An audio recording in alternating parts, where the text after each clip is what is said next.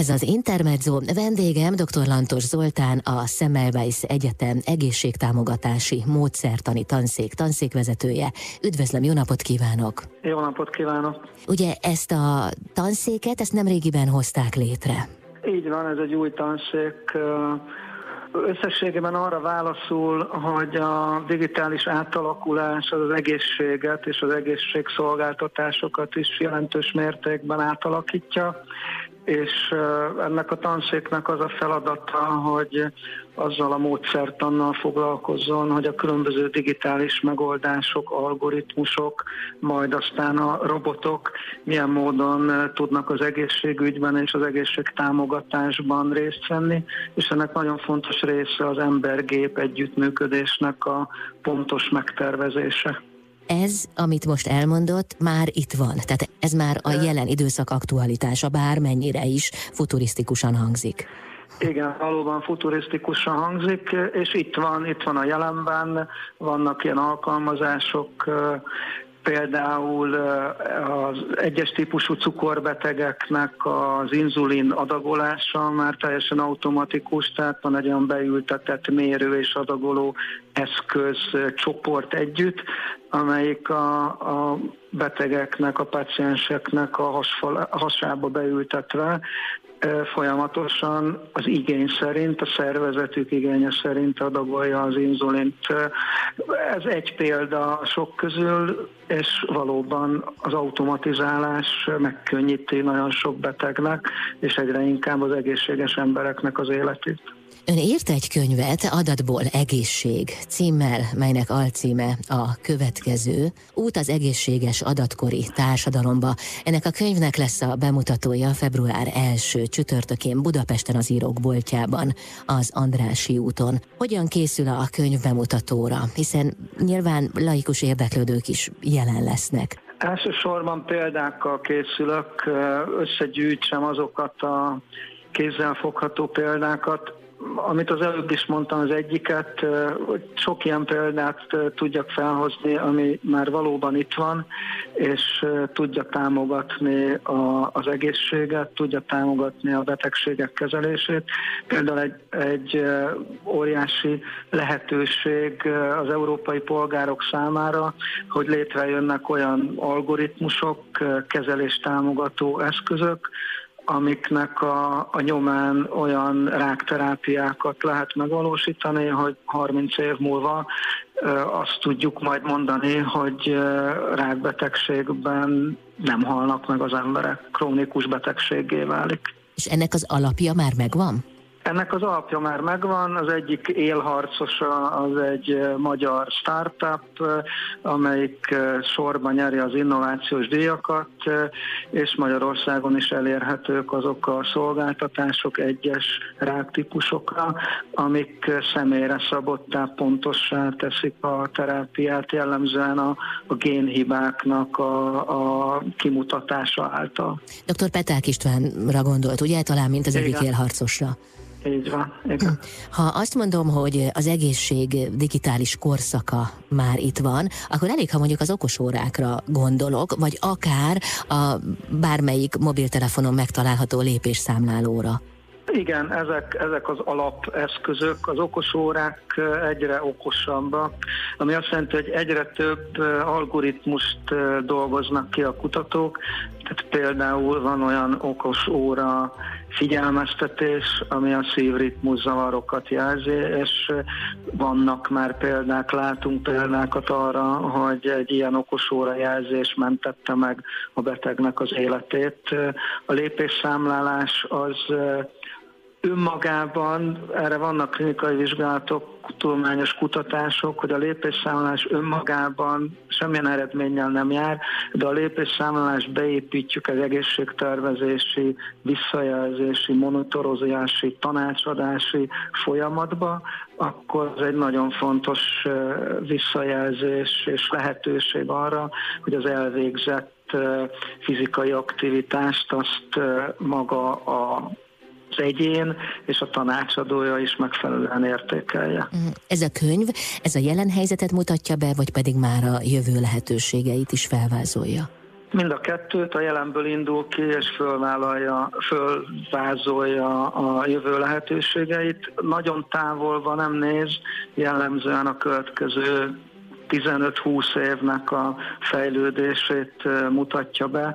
Beszél arról, hogy lehetőségünk lesz majd virtuális egészségasszisztenseket használni, amelyek a nap szinte minden órájában, vagy minden percében támogatást tudnak nyújtani nekünk, hogy éppen mit válaszunk, milyen táplálékot válaszunk, 5 perc autógén tréninget illeszünk ebbe, vagy 15 percet a nap során, milyen típusú fizikai aktivitásokat válasszunk.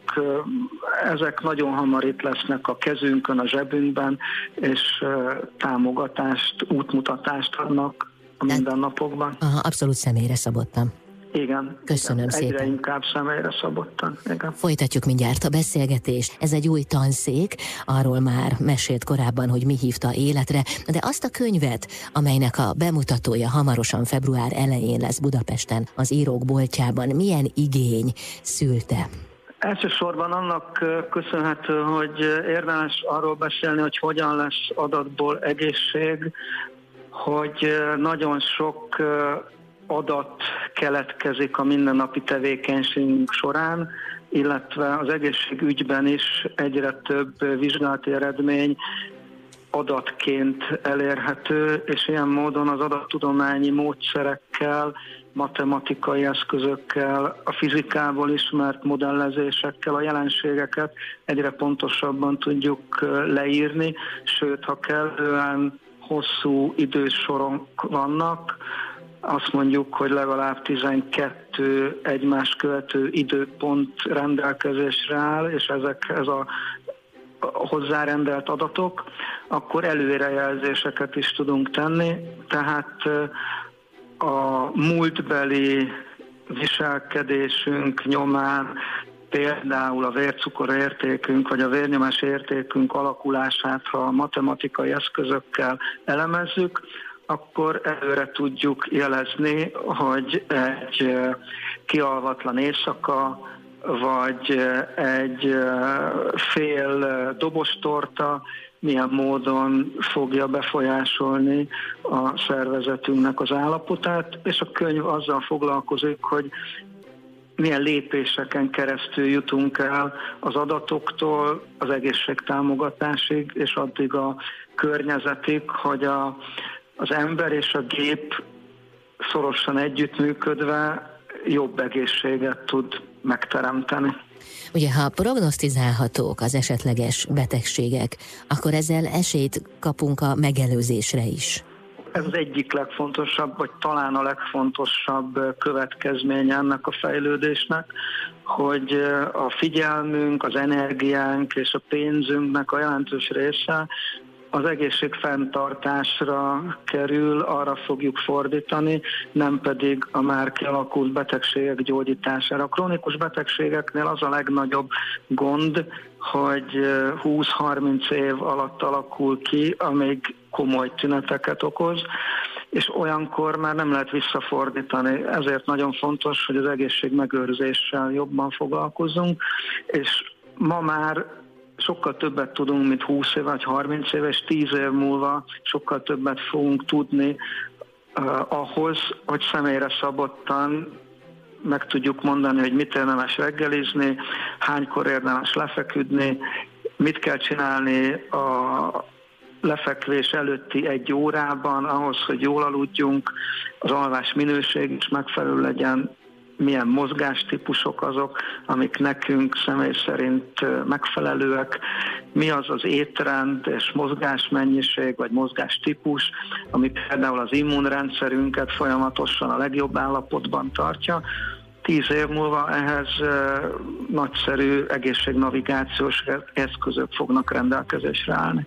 Az Európai Egészségunió létrehozásának elindításával elkezdődött az Európai Egészségadattér intenzív fejlesztése. Ez valami olyasmit jelent, hogyha mondjuk elutazunk mindegy hová, Németországba, bárhová, akkor ott is minden adat birtokában lesznek az egészségügyi dolgozók? Tehát ha esetleg kórházba kerülünk, akkor minden előzmény meg lesz?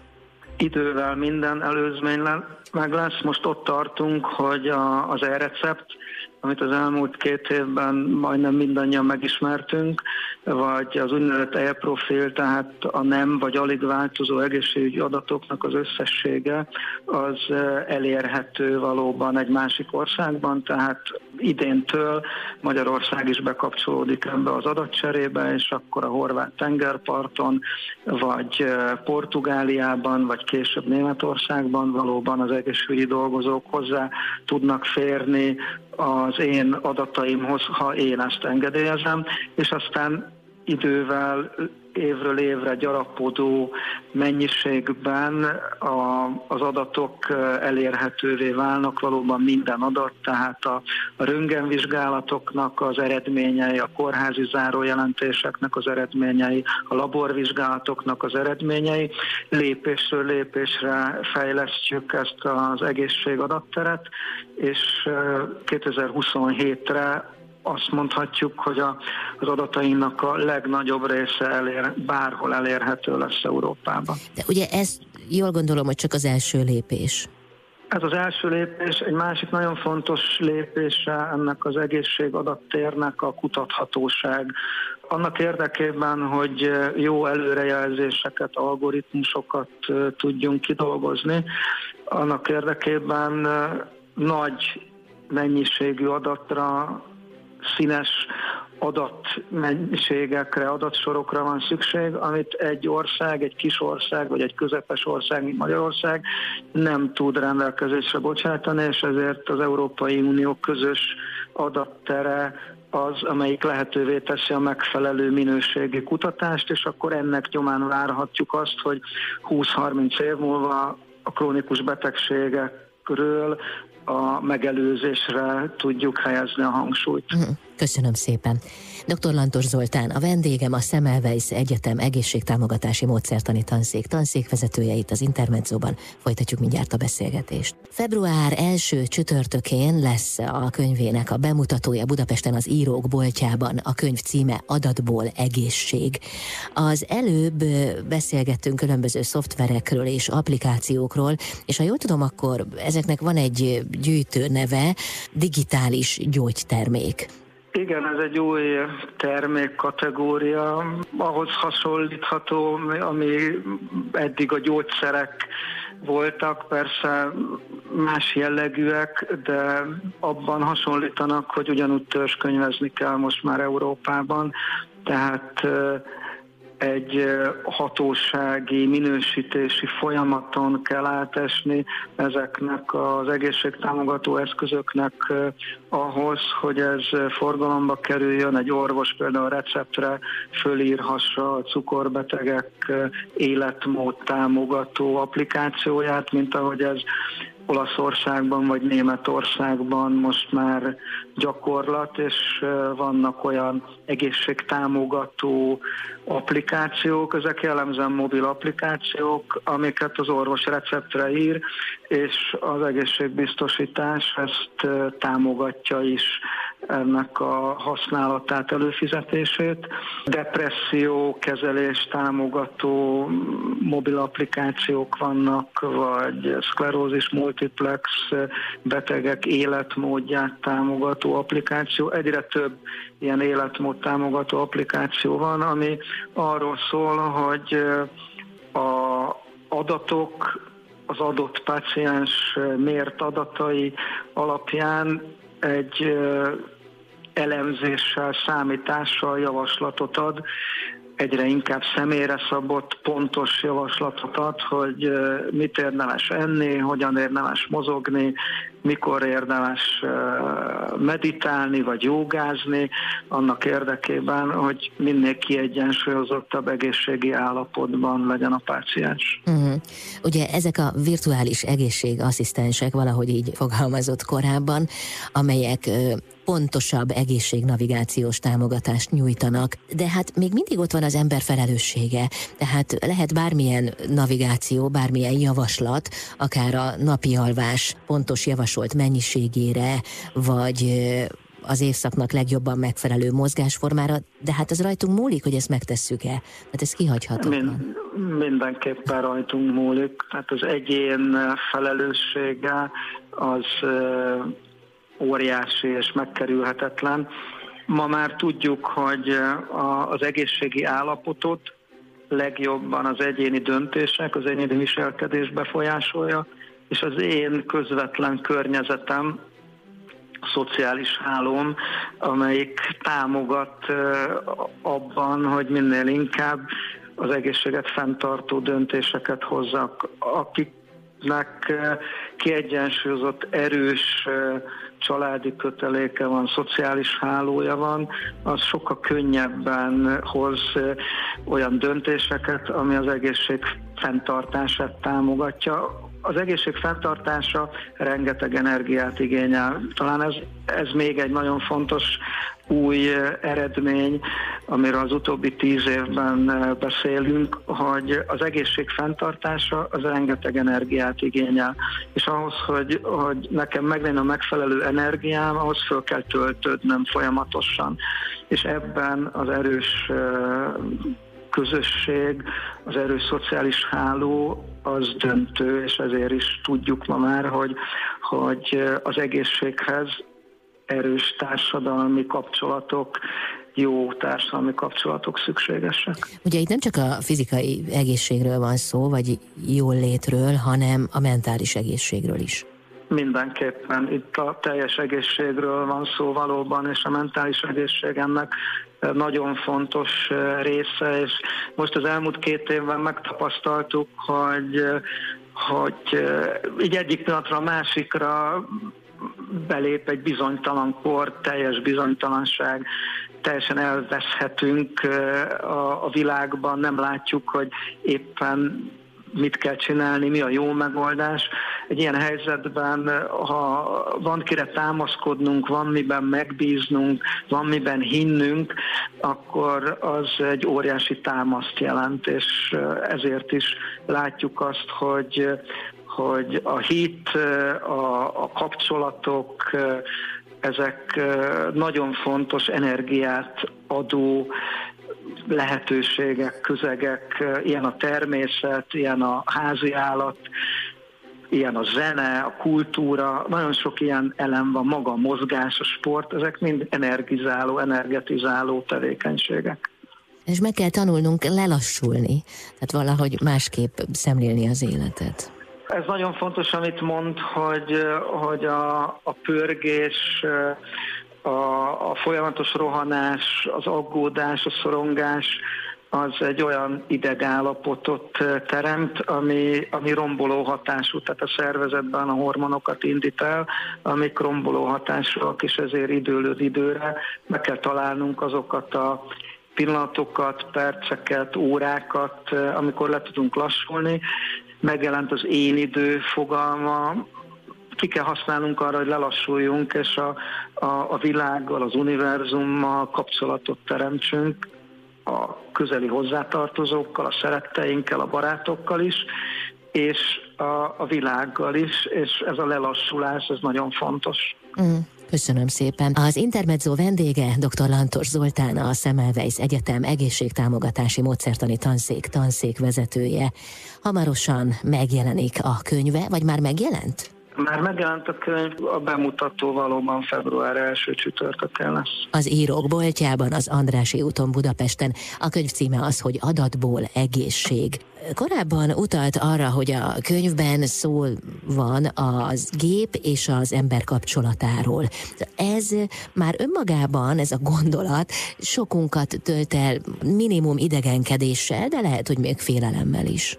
Hát mindenképpen, hiszen a, a gépek, a robotok meg tudnak úgy jelenni, hogy teljesen kiszámíthatatlanok a számunkra, és úgynevezett fekete dobozként működnek. Európában a mesterséges intelligencia szabályozásával megjelenik az úgynevezett magyarázható algoritmusnak a fogalma, tehát nekem, mint alkalmazónak, ha nem vagyok szakértő, akkor is meg kell tudnom érteni, hogy mik azok az alapfolyamatok, ami alapján egy számítógép, egy applikáció, vagy akár egy pincér helyettesítő robot működik, és ezzel kívánjuk egyrészt elérni, hogy, hogy ne születhessenek olyan robotok, algoritmusok, amik kiszámíthatatlanok, vagy kiszámíthatatlan hatásúak. Ez, az egyik fontos része ennek az együttműködésnek. A másik, hogy, hogy nagyon pontosan meg kell határozni, és az egészség támogatás, a gyógyítás során ez az egyik legfontosabb feladat, hogy a, az algoritmusok, a gépek számára a, a peremfeltételeket, azokat a feltételeket, amik között ők működhetnek, azt nagyon alaposan meg kell határozni, ki kell kutatni, hogy ezek a határok hol vannak, pontosan hogyan írhatók le, és csak azon határok között szabad ezeket a, az algoritmusokat megtervezni és működtetni. Tehát határokat kell szabni a gép működésének. Ez a, ez a másik fontos eleme. A harmadik pedig a, a robot azt tényleg meg fogják kapni a robotok, illetve már most folyamatosan megkapják, hiszen vannak olyan alkalmazások, amelyek szerződéseket írnak, vagy az ügyfélkapcsolati beszélgetéseket megvalósítják, és ez nekünk pedig lehetőséget ad arra, hogyha a, a gépies munkát, a robot munkát megkapják a gépek, akkor mi többet foglalkozunk azzal, ami leginkább az embernek a sajátja. Van egyfajta tudás, az úgynevezett tacit tudás, vagy élmény alapú tudás, ami nem algoritmizálható. Illetve ehhez kapcsolódóan megvannak azok a, az emberi értékek, amik például a személyes kapcsolatban megjelennek. Most, hogy két éven keresztül nagyon sok mindent csak online tudtunk elintézni, az oktatás is online volt, nagyon sok megbeszélés, egyeztetés online valósulhatott meg. Rájöttünk arra, hogy van a személyes kapcsolatnak egy olyan dimenziója, ami nem pótolható, nem vihető át a képernyőre, nem vihető át az elektronikus eszközökre, személyesen kell, hogy találkozzunk, személyesen kell, hogy érzékeljük egymást, és ez a személyközi kapcsolat, ez számos olyan elemmel jár, ami az emberi létnek a sajátja. Ez az, amit egyre jobban fel tudunk fedezni, és minél inkább felfedezzük, annál kevésbé leszünk sérülékenyek az algoritmusoknak a, az irányítására, annál inkább ellenállók leszünk, és, és a saját élményeinkkel, tudásunkkal tudunk sáfárkodni. Elsőre paradoxonnak tűnik, hogy miközben elképesztő technikai tudás vesz minket körül, robotokról beszélünk, és hát olyan applikációkról, virtuális egészségasszisztensekről, amelyek az egészségünket segíthetik, hogy közben a nagyon egyszerű élet jelentősége is felértékelődik. Szóval azoké az értékeké, amelyekről az előbb ön is említést tett, hogy milyen fontos a másik ember, hogy jelen legyünk a pillanatban, hogy egyszerűen éljük meg a hétköznapokat, hogy valahogy zárjuk ki az aggódást, nem? Szóval, mint hogy hogyha ez a két végletnek ható dimenzió egyszerre lenne jelen, vagy egyszerre lenne fontos? Igen, egyszerre fontos, egyszerre fontos, és ebben a robotizálódó világban és az embergép együttműködésben a pozitív jövőképet csak úgy tudjuk elképzelni, hogyha, hogyha az együttműködés, az emberi együttműködés mélységeire, értékeire jobban tudunk figyelni, ha az ember alapműködése, a szeretet, az odafigyelés, a hála, az önkéntesség meg tud jelenni a közösségi társadalomban. Valóban ez paradoxnak tűnik, de, de mégis ez egy, ez egy lehetőség a számunkra, hogy amivel nem szívesen foglalkozunk, a gépies tevékenységek, azt odaadjuk a gépeknek, és elkezdjünk olyan érdekes dolgokkal foglalkozni, ami emberré tesz bennünket, ezt minél inkább kivirágoztassuk, többet foglalkozunk kultúrával, a művészetekkel, azzal, hogy, hogy a gyógyító tevékenység az valójában micsoda, mitől van az, hogy az egyik orvos vagy dietetikus jobban hat a pacienseire, mint a másik, és akkor jobban is gyógyul. Arra van vizsgálati eredmény, hogy a, a meleg hangú orvosoknál jobban gyógyulnak a paciensek. Na, tessék, erről nem is hallottunk. Még, még legalábbis nem hallottam, ez biztos. Igen, ezek új, új eredmények, és, és valóban, ahogy korábban említette, megnyit egy olyan dimenziót, amivel eddig kevésbé foglalkoztunk, és most kezdjük el vizsgálni, hogy a a, személyes kapcsolatoknak, az odafigyelésnek, a mimikának, a mozdulatoknak, a hangszínnek milyen óriási jelentősége van. Ezt eddig is tudtuk, hogy óriási jelentősége van. Most azt nézzük meg, hogy és mindez a gyógyulásban, a gyógyításban milyen szerepet kap. Uh-huh. Tehát használjuk ki a gép adta lehetőségeket, adjuk oda azokat a feladatokat a gépeknek, amelyek átadhatók, és éljük az életünket boldogan és egyszerűen, vagy valami ilyesmi?